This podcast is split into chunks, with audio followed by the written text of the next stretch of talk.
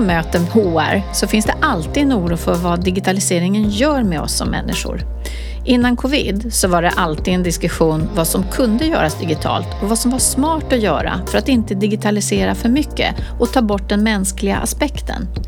Den oron finns fortfarande kvar, även om vi nu har varit tvungna att digitalisera många fler aktiviteter än vi kanske trodde var möjligt. Jag funderar själv på den här frågan när jag förespråkar digitalisering för att underlätta för HR, medarbetare och ledare. Jag tycker att det finns fantastiska möjligheter till smarta saker, vilket ni alla har hört om här i podden. Men det betyder ju också att till exempel den smarta telefonen blir ännu viktigare när alla hjälpmedel, både de privata och de på jobbet, finns där. Det här sista avsnittet den här hösten har jag Patrik Vincent som gäst för att diskutera precis det här. Var går gränsen? Patrik är terapeut, författare och föreläsare och specialiserad på digitala missbruk. Han jobbar både direkt med klienter med dataspelsmissbruk till exempel, men också mer och mer med företag som vill ha hjälp att skapa en hållbar digital kultur.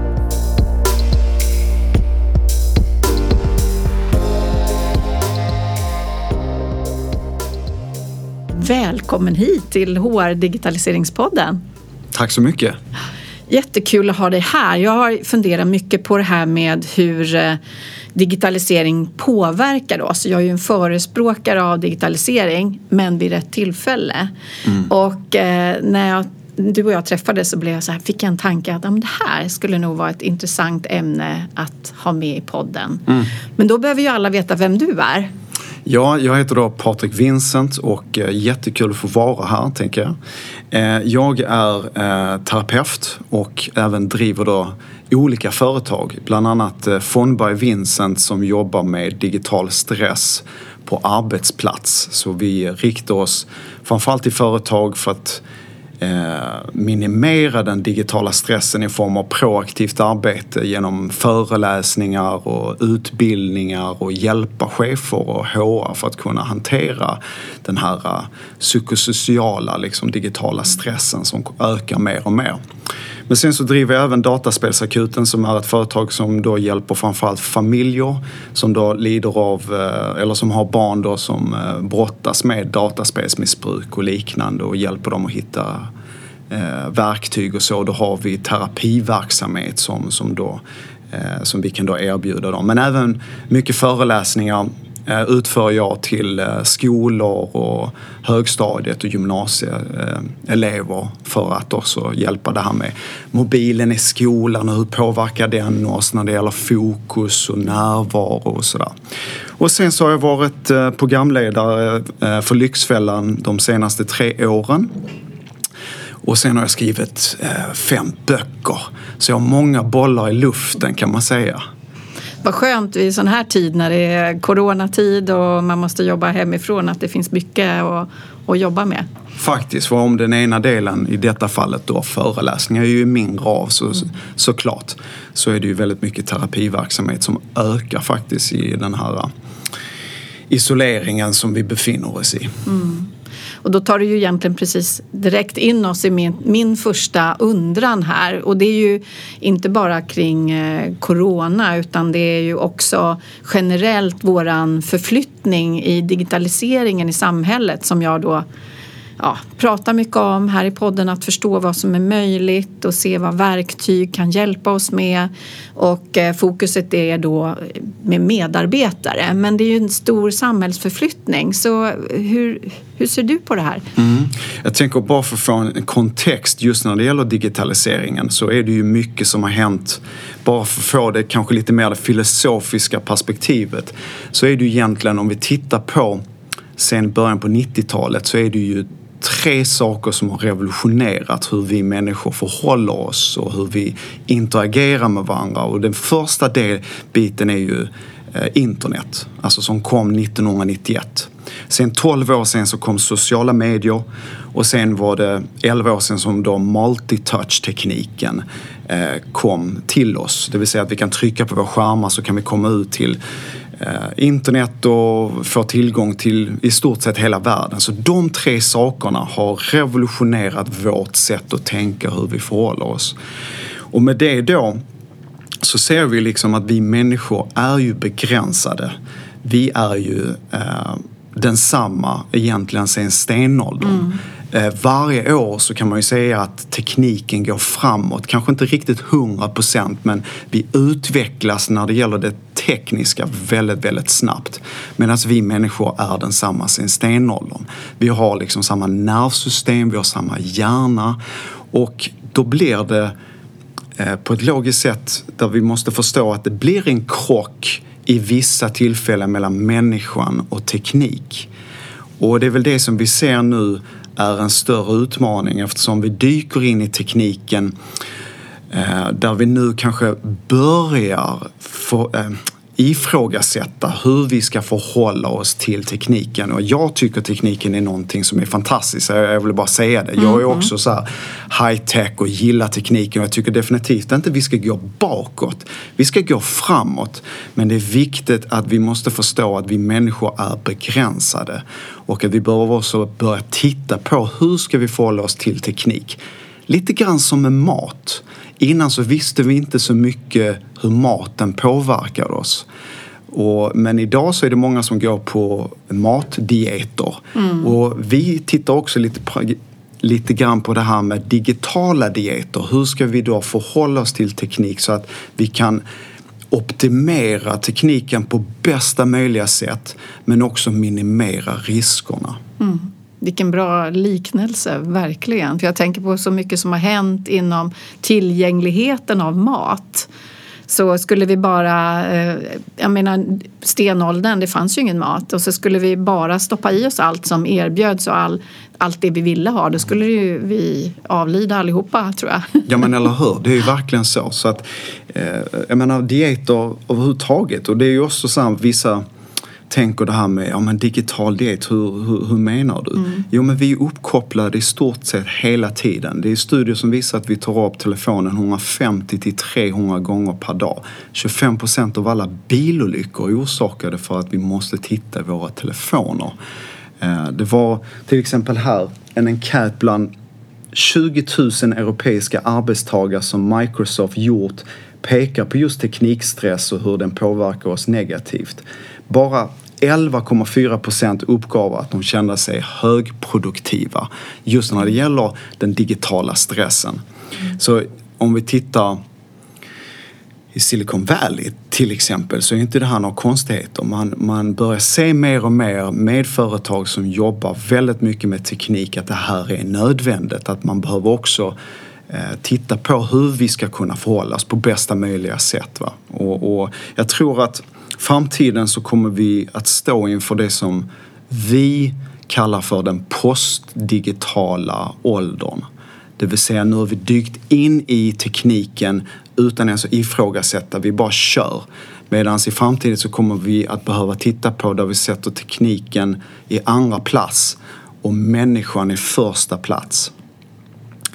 För just nu så ser vi då de här begränsningarna med hjärnan, med vårt nervsystem och, och tyvärr, rent evolutionsmässigt så kommer ju människan definitivt att anpassa sig längre fram.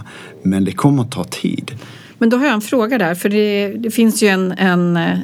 Jag har sett lite diskussioner eller lyssnat på kring att de ungdomar då som är födda in i den digitala mm. åldern eh, att på något sätt, för, för först har jag hört det å ena sidan, vi ser ut och fungerar precis som på stenåldern. Mm. Å andra sidan, de som är födda in har lättare för att hantera det här. Mm. Vad, vad ser du i sanningen i det? Mm. Eh, du har rätt i att jag menar, vi alla har ju samma hjärna, vi har samma nervsystem, så ingen föds alltså annorlunda så. Eh, det som är skillnaden är ju att framförallt millenniumgenerationen, de som är födda med teknik, låt säga 90-talisterna och de som är födda på millenniumskiftet där, är ju födda med teknik. De är digitala eh, invånare. Mm. Eh, och vi är digitala, om vi nu ska kalla det för invandrare eller sådär. Alltså vi har ju anpassat oss till teknik. Så vi har ju eh, en annan sida av världen. Vi har ju verkligen levt ett liv där det fanns två tv-kanaler, telefonen på väggen, vi hade väldigt tråkigt på morgonen. Jag kommer ihåg när jag skulle kolla på Godmorgon Sverige. Liksom. Det var ett tecknat avsnitt efter 55 minuter och jag längtade och tittade på hela den här timmen bara för att se det här sista tecknade avsnittet. Så man satt där i fönstret och memorerade alla registreringsskyltar på bilarna utanför. Utan det var så man hade. Idag så har vi ett informationsflöde som är konstant, eh, bombarderar utifrån till oss. Och när vi då scrollar som låt oss säga en 90-talist eller någon som är födda på millennieskiftet, då är det så att man har märkt att uppmärksamhetsspannet har då sänkts från 12 sekunder till 8 sekunder. Så att den har blivit kortare. Vilket innebär att om jag ska fånga en ung persons eh, uppmärksamhet så har jag bara idag åtta sekunder på mig för att fånga deras intresse. Mm. För att deras hjärna har anpassat sig och blivit van vid att selektivt välja information som de tycker är intressant och eh, selektivt välja då bort information som de tycker är tråkigt när de då håller på och scrollar mm. för att då välja information. Eh, så hjärnan måste då utifrån deras perspektiv anpassa sig. Men det är också viktigt att förstå eh, att det här uppmärksamhetsspannet som har gått från 12 till 8 sekunder kan man då jämföra med en guldfisk där en guldfisk uppmärksamhetsspann är faktiskt nio sekunder. Nej. En sekund mer. Mm. Men det kan man ju träna upp genom fokusträning och, och lära sig att ha mer uppmärksamhet. Så på det sättet så tvingar hjärnan sig utifrån ett barns perspektiv att anpassa sig. Men det betyder inte att det blir konsekvenser utifrån det och då pratar vi oftast utifrån multitasking tekniken vill ju gärna idag att vi ska göra många saker samtidigt. Mm. Till exempel på en skärm så har vi kanske tre olika fönster eller samtidigt så har vi mobiltelefon bredvid som är interaktiva med oss. Och, eh, så vi blir distraherade oftast. Mm. Och när vi multitaskar, som i stort sett alla hjärnforskare säger är inte bra, så märker vi konsekvenser, det vill säga utifrån att vi blir mer stressade. Man har gjort mätningar och ser att man får mer eh, kortisol och adrenalin. Och sen samtidigt så blir resultatet sämre har man sett. För att du hinner inte integrera informationen. Och det tredje är att det tar längre tid. Så det är de tre sakerna som oftast är en bidragande faktor när vi då ska multitaska. Eh, och det är någonting som vi ser idag på de här arbetsplatserna att vi blir ständigt um, distraherade. Mm. Det vill säga vi kanske håller på med en arbetsuppgift och sen bara pling! Jaha, vad var det? Och så blir man jättenyfiken. Och så tar man upp sin telefon och så lägger man fokus på sitt samtal där i, i, på det här smset till exempel. Och sen när jag ska lägga från mig den och komma tillbaka till min ursprungliga arbetsuppgift så kommer det ta mig 24 minuter för att få total fokus. Det är intressant det där för den, jag tänker tillbaks på eh, eh, något som var väldigt ompratat om ställtid för ett antal år sedan. Det här med våran ställtid från en uppgift till en annan. Att den kräver sin mm. tid för att du måste på något sätt rensa bort det som var där och fokusera på nästa. Exakt. Och det är ju arbetsminnet. Om vi tittar på korttidsminnet och långtidsminnet så är det ju att vi märker mer och mer att vi i stort sett nästan enbart aktiverar det som kallas för korttidsminnet idag. Och det betyder, precis som det låter, att vi får behålla informationen bara under en kort tid.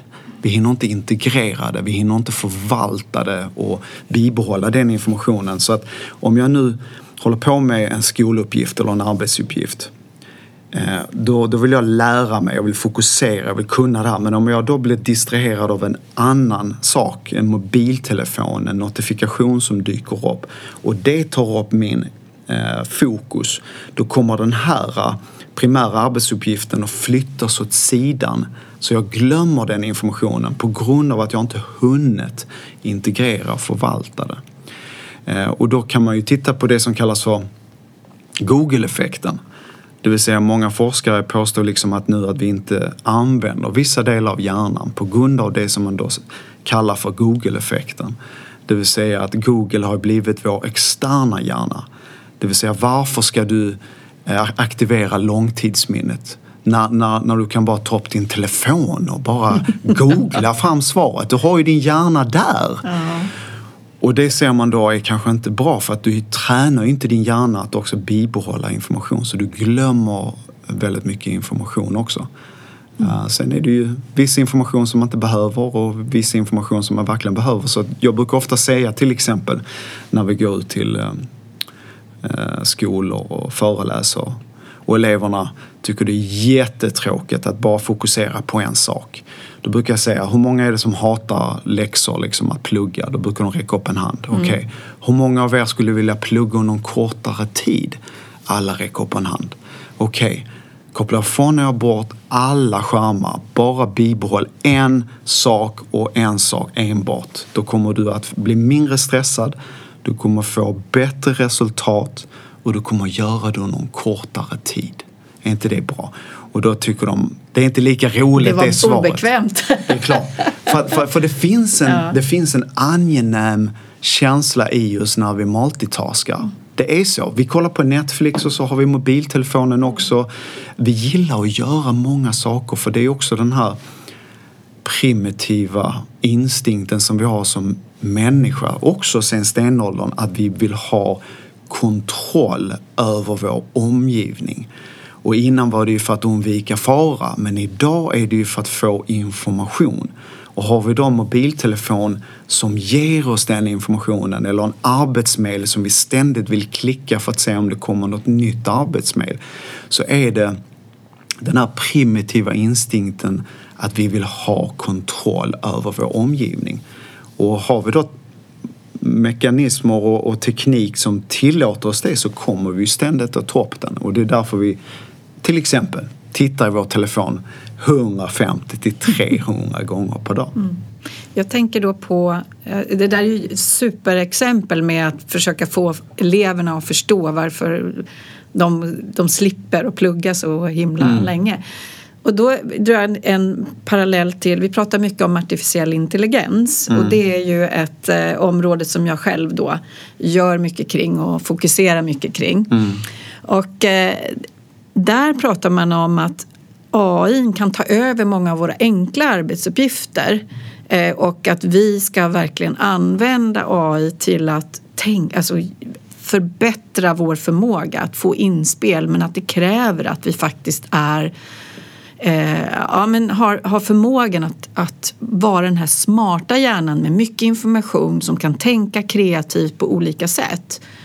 Så det här låter ju som att vi håller på och misslyckas då med, med oss själva för då om vi inte pluggar och fokuserar och får utan litar på Google, mm. Google istället mm då kommer vi inte ha någon fördel jämfört med AI i framtiden. Nej, nej det är väldigt intressant det du säger. Jag tänker, jag har ingenting emot att tekniken utvecklas eh, utifrån att det ska på något sätt eh, vara en fördel för människan liksom att det ska underlätta oss. Och om det är AI som kan ta bort de här mer komplexa sakerna så att vi kan må bättre, att vår återhämtning blir bättre eller att vår lärande eller vår fokus ökar så tycker jag att tekniken är fantastisk. Bara ett, ett exempel.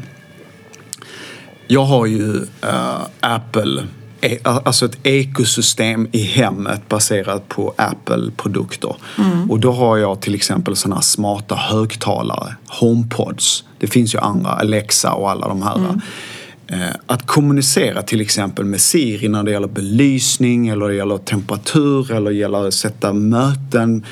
Det är ju någonting som jag skulle vilja påstå är väldigt fantastisk fantastiskt och underlätta för mig. Jag behöver inte, jag behöver inte eh, multitaska, jag behöver inte fördela min, min uppmärksamhet utan jag bara talar med min röst till någonting som är tekniskt som kan se till att utföra det åt mig.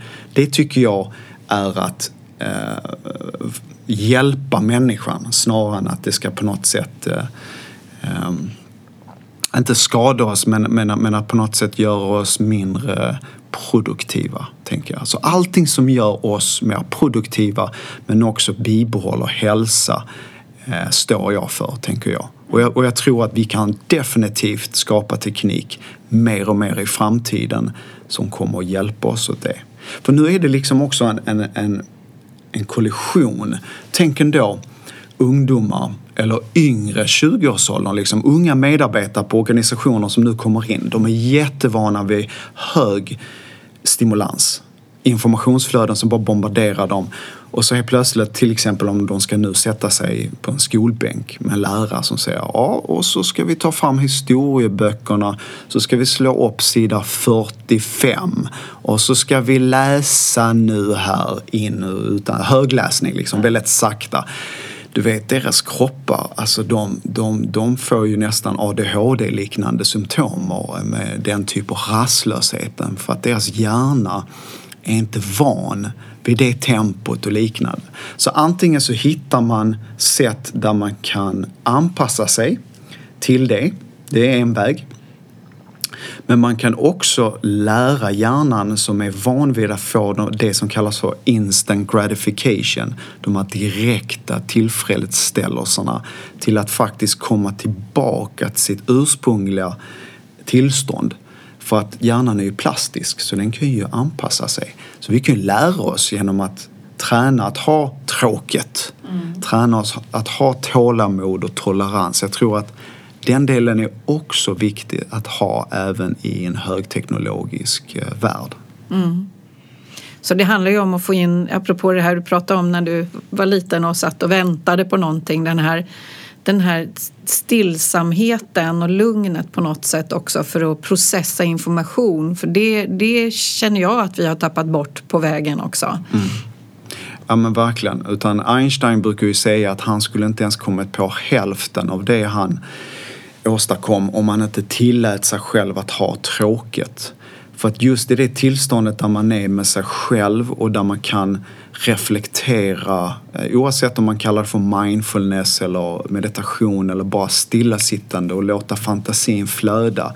Och även kunna vara kritiskt tänkande, alltså att kritiskt tänka. För oftast nu så får vi ju information utifrån till oss hela tiden. Men när är det vi får möjligheten att tänka inifrån och ge ut eh, och skapa eh, utifrån och även Ja men låt oss nu titta på Steve Jobs som är faktiskt orsaken till multitouch-tekniken, att den blev kommersiell. Han är ju en fantastisk entreprenör och jag verkligen tycker han är en fantastisk människa. Men han var ju low-tech savvy faktiskt i hemmet, eller åtminstone i den grad att han hade mobilfria zoner eller, eller teknikfria zoner på middagar och andra tillfällen för att han fattar att det är jätteviktigt att ha pauser till exempel. Mm. Och när vi ändå är inne på det spåret så kan jag säga, men om vi tittar Silicon Valley eh, de här gigantiska entreprenörerna, alltså Wall, eh, Google-grundaren, Wikipedia-grundaren, Amazon-grundaren. De tar ju sina barn och placerar dem i Waldorfskolor som, som, som är helt teknikfria. Och då kan man ju tänka sig varför? Hur kommer det sig? Liksom, vad, är det, vad är det som gör att de som verkligen lever med teknik varje dag faktiskt har ett förhållningssätt där de faktiskt tycker att sina barn eh, också ska ha en eh, tillvaro där det inte finns teknik. Och det är ju likadant som att man på eh, den som uppfann den här scrollningen på Facebook, oändlig scrollning, ja. själv känner att uh, han inte är helt nöjd med det för det, då fortsätter det bara, då kan man bara försvinna in i alla de här uh, uppmärksamheten och alla ja, flöden som är. Ja, det är lite roligt. Det är även han som skapade like, den här tummen på Facebook, tycker likadant. Ja. Det, det är ungefär som att de som skapade de här mer starka psykologiska krokarna tycker nu i efterhand att de har skapat något typ av ett eh, monster eller sådär. Alltså de är åtminstone lite, lite mer kritiska kring just de här starka psykologiska krokarna. Så oavsett om det var medvetet eller omedvetet så är det ju det som framförallt idag tittar på eh, hur man ska kunna fånga din uppmärksamhet så mycket som möjligt. Det är ju det som är eh, det som vi kallar för uppmärksamhetsekonomin. Uppmärksamhetsekonomi är ju en industri, miljardindustri på sociala medier som är till enbart ett syfte och det är för att fånga din uppmärksamhet med videos, med texter, med ljud, med visuella saker som ska göra att du fängslas vid det här. Och det kallas för faktiskt cyberslacking. Och cyberslacking var också en stor studie som, som genomfördes som visade att medarbetare på arbetsplatser tillbringade cirka en och en halv timme upp till två timmar att faktiskt använda sig utav nöjesorienterade saker. Det vill säga Youtube eller sociala medier. Och många chefer upplevde då att det blev ju en stor kostnad för företagen på grund av detta. Och det är ju på grund av uppmärksamhetsekonomin. Eh, saker som lockar dem, som gör att de har svårt att bibehålla deras fokus. Jag brukar ofta säga det som ett exempel med mig själv för att jag själv har fallit för de här psykologiska krokarna. Och det kan ju vara, låt oss säga att jag vill mejla någon. Det är det som är mitt fokus. Men sen så ser jag kanske någonting på sociala medier som, som fångar min uppmärksamhet. Och jag brukar alltid säga det i mina föreläsningar att jag gillar kattvideos. Det, det är många som gillar kattvideos men, men de är gulliga liksom. Och då tittar jag kanske på eller min intention är att jag ska mejla Kalle men helt plötsligt vill jag bara titta på kattvideon och så kollar jag på kattvideo nummer två efter ettan och sen så vet jag att det finns en till så tittar jag på nummer tre och helt plötsligt så kan det ju ha gått en timme med andra nöjesorienterade saker som verkligen fångade min uppmärksamhet. Och det är som att min hjärna blir då kidnappad. Jag verkar inte kunna styra för att jag ser så många intressanta saker. Medan min intention var ju mer att bara mejla Kalle, bibehålla den fokuset. Men det var andra saker som, som, som drog min uppmärksamhet. Och det är det vi kallar för psykologin bakom teknik, alltså krokar som gör att vi fastnar. Och det finns många krokar. Ja, jo, jag känner igen mig själv. Och jag har verkligen fått jobba med, eftersom jag har, gör, har många saker, eh, många kunder och olika aktiviteter, att verkligen sätta tid. Men, och som du sa kring eleverna, att förstå att de kan korta sin studietid eller sin läxtid. Det är ju likadant på arbetsplatsen. Man tycker arbetsdagarna blir så himla långa, men är det verkligen för att, eh, för att det är så mycket jobb att göra eller är det för att någon kidnappar din uppmärksamhet då längs med vägen? Mm. Ja, vår, vår erfarenhet eh, när vi åker ut i företag eller när vi pratar med HR eller när vi pratar med chefer så är det ju oftast det som vi upplever att det är svårt att kanske eh, slutföra sina uppgifter för att man blandar ihop nöje och jobb. Det blir som att arbetsdagen kan vara från 8 till 9 på kvällen. Bara just för att du blandar ihop alla aktiviteter. Det är både arbete och jobb efter arbetstid och det är även fritid under arbetstid. Mm. Alltså just det här nöjesorienterade. Eh, så. Så att det är ju de här psykologiska krokarna. Eh, vi har ju till exempel en annan krok som kallas för fördröjningseffekten. Och det är alltså när vi ska då scrolla eller dra ner fingret på, oavsett om det är Instagram eller Facebook, så ofta så märker man en fördröjningseffekt på cirka en till två sekunder. Och den är ju skapad så det är ju inte att det är ditt wifi eller fel på nätet utan den fördröjningseffekten ska ju skapa en känsla av att wow, något spännande ska komma, någonting nytt. Mm -hmm. Och sen efter två sekunder så bara dyker upp de här nya videos och nya texter och allting. Och det skapar då det här som vi kallar för dopaminruset, den här dopaminkänslan så att säga. Eh, sen har vi en annan psykologisk krok som kallas för återkopplingspress. Alltså att du blir pressad av att alltid svara på någon annans mail. Eh, det kan vara sociala medier att, eh, låt säga om du skulle mejla mig eller skriva en text till mig när jag läser det mejlet då kommer du se att jag har precis läst det mejlet och det kommer skapa mig en press för att jag vet om att du har sett att jag har läst mejlet och ja. det gör ju att jag måste respondera tillbaka så fort som möjligt. Mm. Och det är också den här um, det här kravet, att, att, att, eller den här känslan av att jag måste vara ständigt uppkopplad. Jag måste eh, svara på alla mails och, och på Messenger och sms och sådär. Och, och, det, och det gör oss stressade. Men då, är, då kommer vi ju väldigt enkelt in här. Vad sjutton ska man göra? För att eh, som du säger, jag gillar också röst. Röststyrning. Eh, mm. kan bli tokig när den inte förstår vad jag menar. Mm, ja. Sitter i bilen och kör och vill ha svar på en fråga parallellt och så funkar det inte.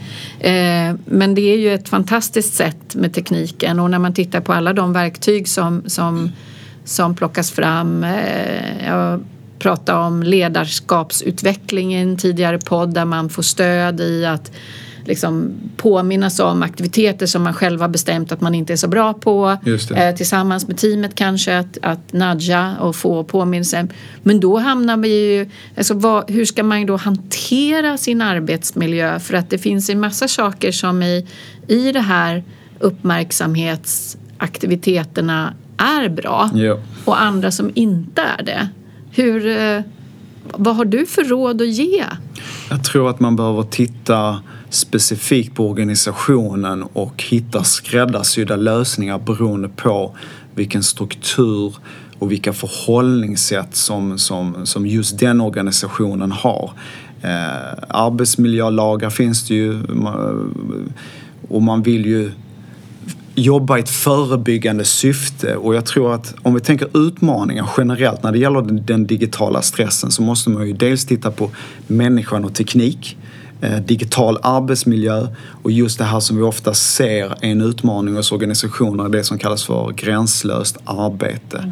Det gränslösa arbetet. Eh, och våra lösningar är oftast brusreducering, att vi reducerar bruset. All den här informationsflöden som vi kan tycka är onödigt. Precis som du säger kan finnas eh, ett, en uppmärksamhet som kan vara positiv, som är nödvändig beroende på organisation. Kanske en säljare som måste verkligen vara standby för att det är inkommande samtal.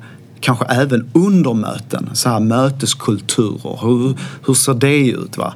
Så just det här, om vi tittar på, vi har ju en medarbetare, vi har chefer, och vi har HR. Alltså vi, vi, alltså vi har ju organisationen, vi har chefer, vi har in, individerna, liksom medarbetare. Men vi alla är ju individer, vi alla är medarbetare som kommer in i ett företag.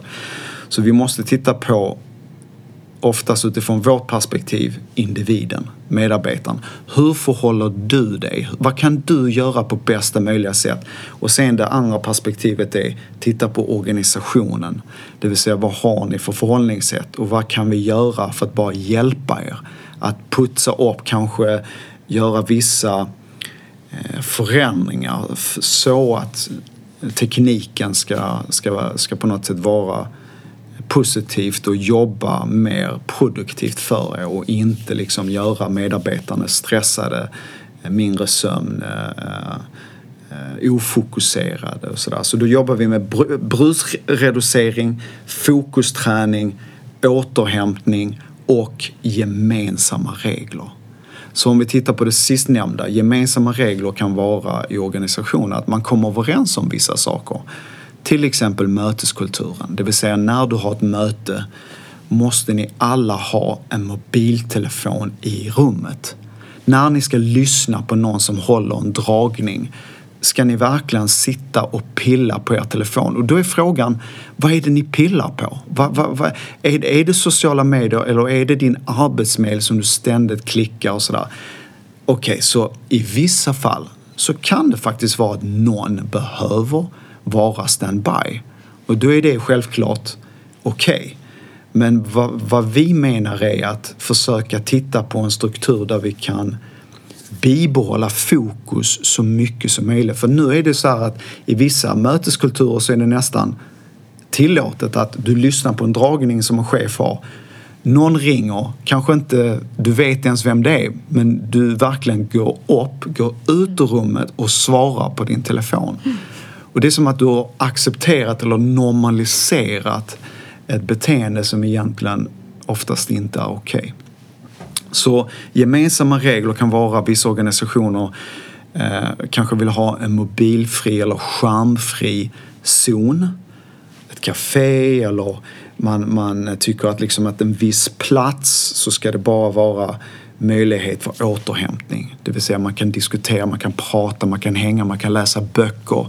Eh, vad det nu än är. Och möteskulturen är också viktigt. Det vill säga när ni går in i ett möte, varför inte skaffa en mobillåda eller någonting som gör att man lägger undan det så ni kan fokusera. Mm. Eh, sen återhämtning. Ja, återhämtning. Hur är det vi som människor återhämtar oss? Ja, dels så är det ju sömn. Sömn är viktig. Det vill säga att vi får vår antal sömn och då pratar vi oftast om REM-sömnen, att den ska vara så djup som möjligt. Och även sömnforskare har ju sett det här med skärmar, eh, att man blir stressad mm. och att man sover inte så djupt. Och det kan vara det blåa ljuset som signalerar till en viss, hjärna, en viss del av hjärnan att det inte är dags för oss att sova. Men också dopaminstimulansen som gör att det håller oss pigga. Och det är oftast är väldigt vanligt att det sista vi gör innan vi lägger oss är att sitta med en padda eller en mobiltelefon och vi har den i sovrummet och kanske till och med i värsta fall en massa notifikationer under natten som bara plingar och plingar. Um, och det gör oss stressade. Och sen även på arbetsplatsen, hur kan vi återhämta oss där? Pauser. Uh, eh, det kan vara att vi ska uh, vila efter en viss tid. En timme brukar man säga att du bara sträcker på dig, går upp, lämnar din skärm, tar en promenad, vad det nu än är. Eh, kan vara till toaletten eller kaffeautomaten, jag vet inte. Men hitta ett sätt där du kan ha dina pauser som är ändå skärmfria. Så att nervsystemet och hjärnan kan återhämta sig.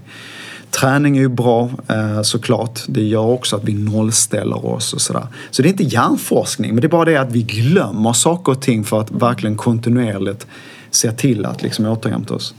Eh, det blir väl lite som ett krig mellan det här dopaminet och mm. så, alltså, det, det ologiska i att man blir så uppmärksamhetsfokuserad. Och ja, men lämna det här. Nu när jag har en paus då kan jag gå ut på sociala medier. Mm. medier. Och då, då blir ju det en, alltså då får ju ännu mer mm. eh, skärm.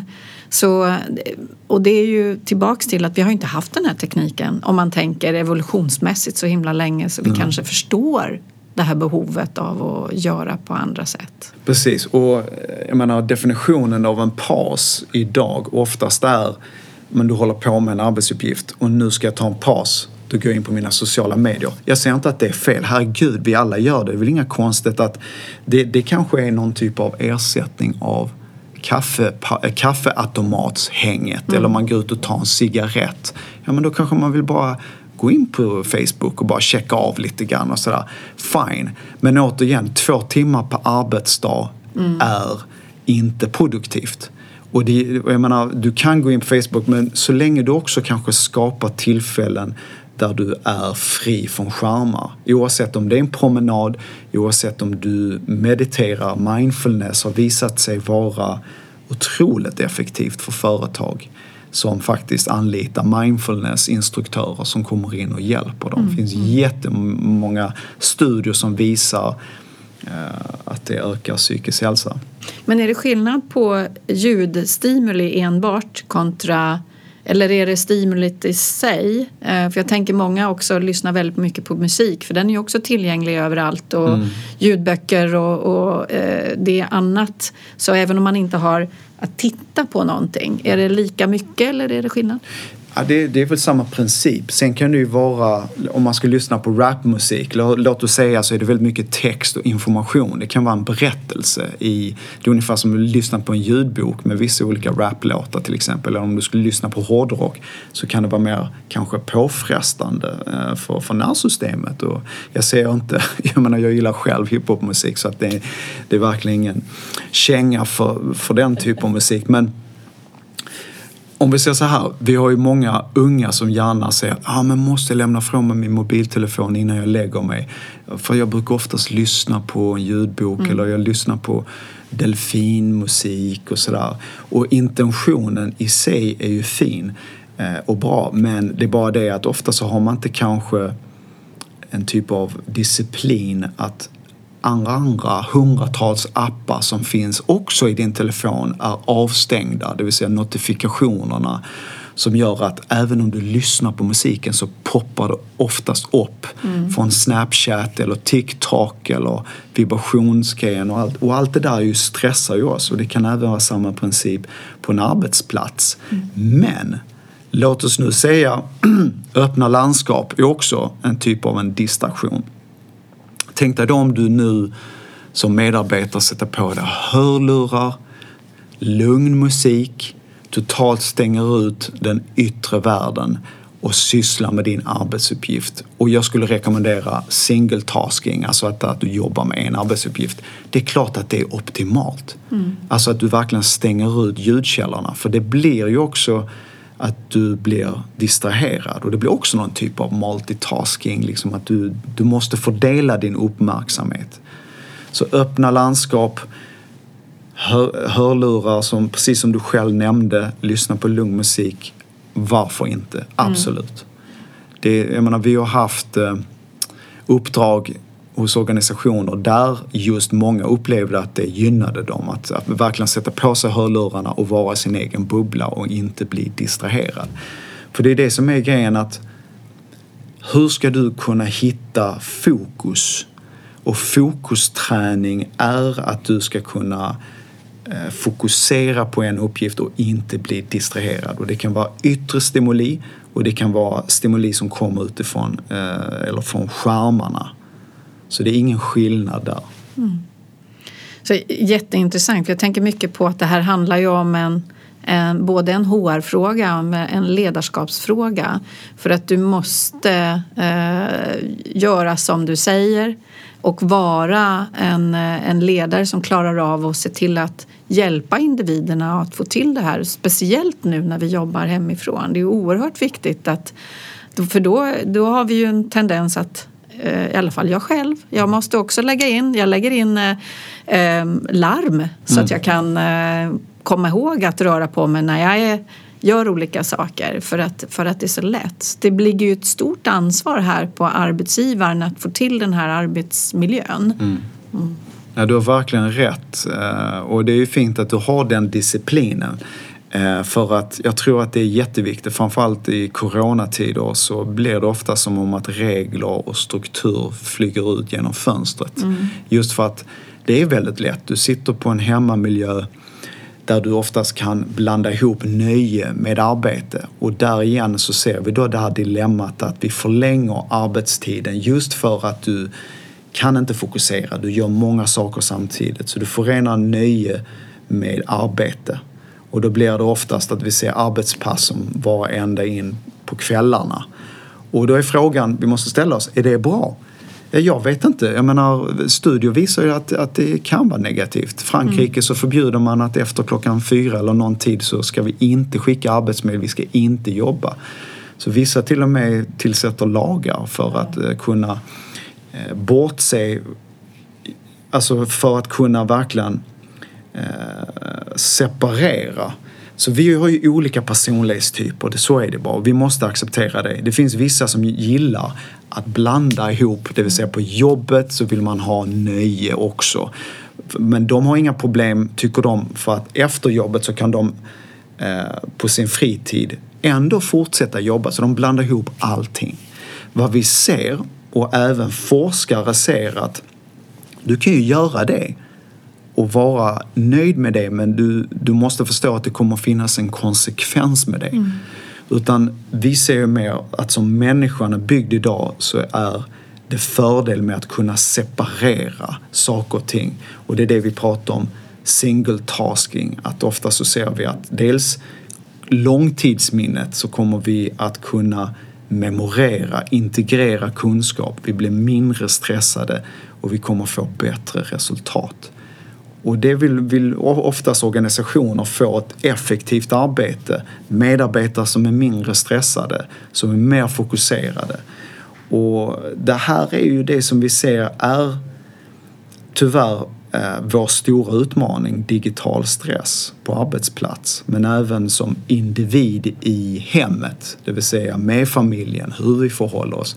Så det ena utesluter inte det andra eftersom vi är ju människor som kommer till organisationen. Men organisationen i sig själv kan ju dels utbilda medarbetare men också titta, om de känner för det, att titta på struktur, deras struktur och förhålla sig i vissa fall på ett bättre sätt. Mm. Hur vi kan använda tekniken på ett bättre sätt.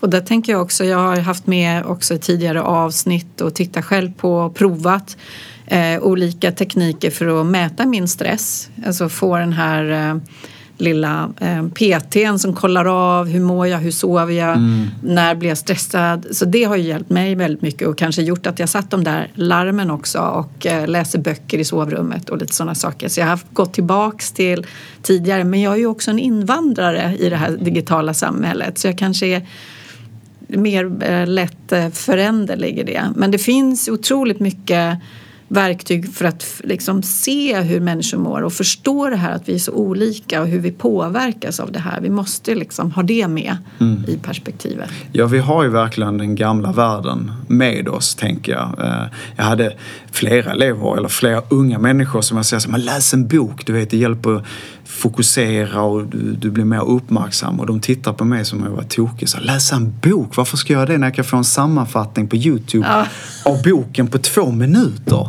Så det är alltid de här genvägarna. Va?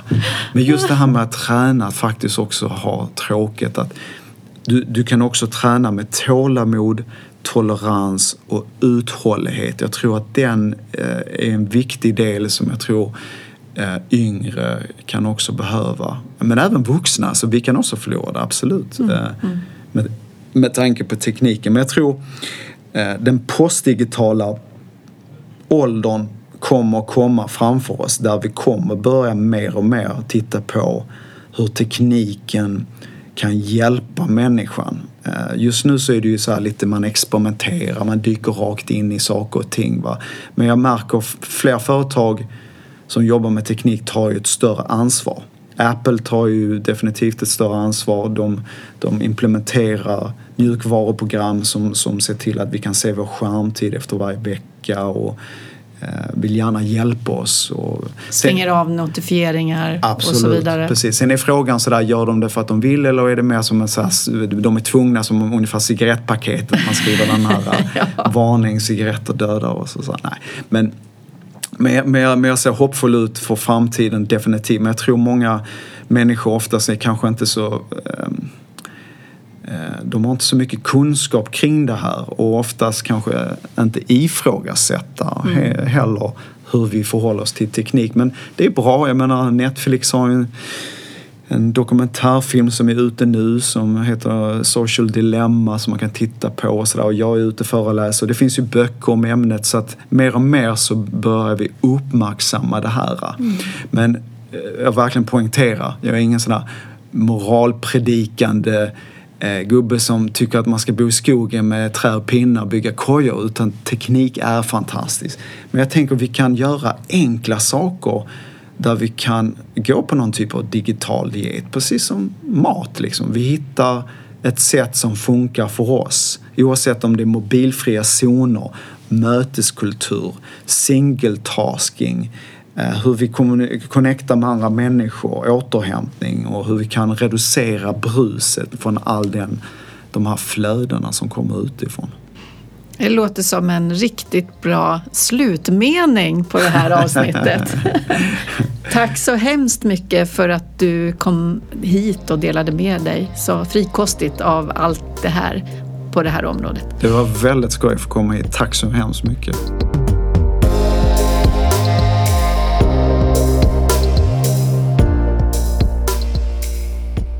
Vad kul att du lyssnade på det här avsnittet av HR Digitaliseringspodden. Nu tar jag julledigt från podden och kommer tillbaks med nya avsnitt i februari. Som alltid vill jag gärna ha tips och råd på teman och personer till podden och då hör av dig till mig på anna.hrdigitaliseringspodden.se eller så hittar du mig på LinkedIn via HR Digitaliseringspoddens egen sida. Ha en fin ledighet så hörs vi snart igen.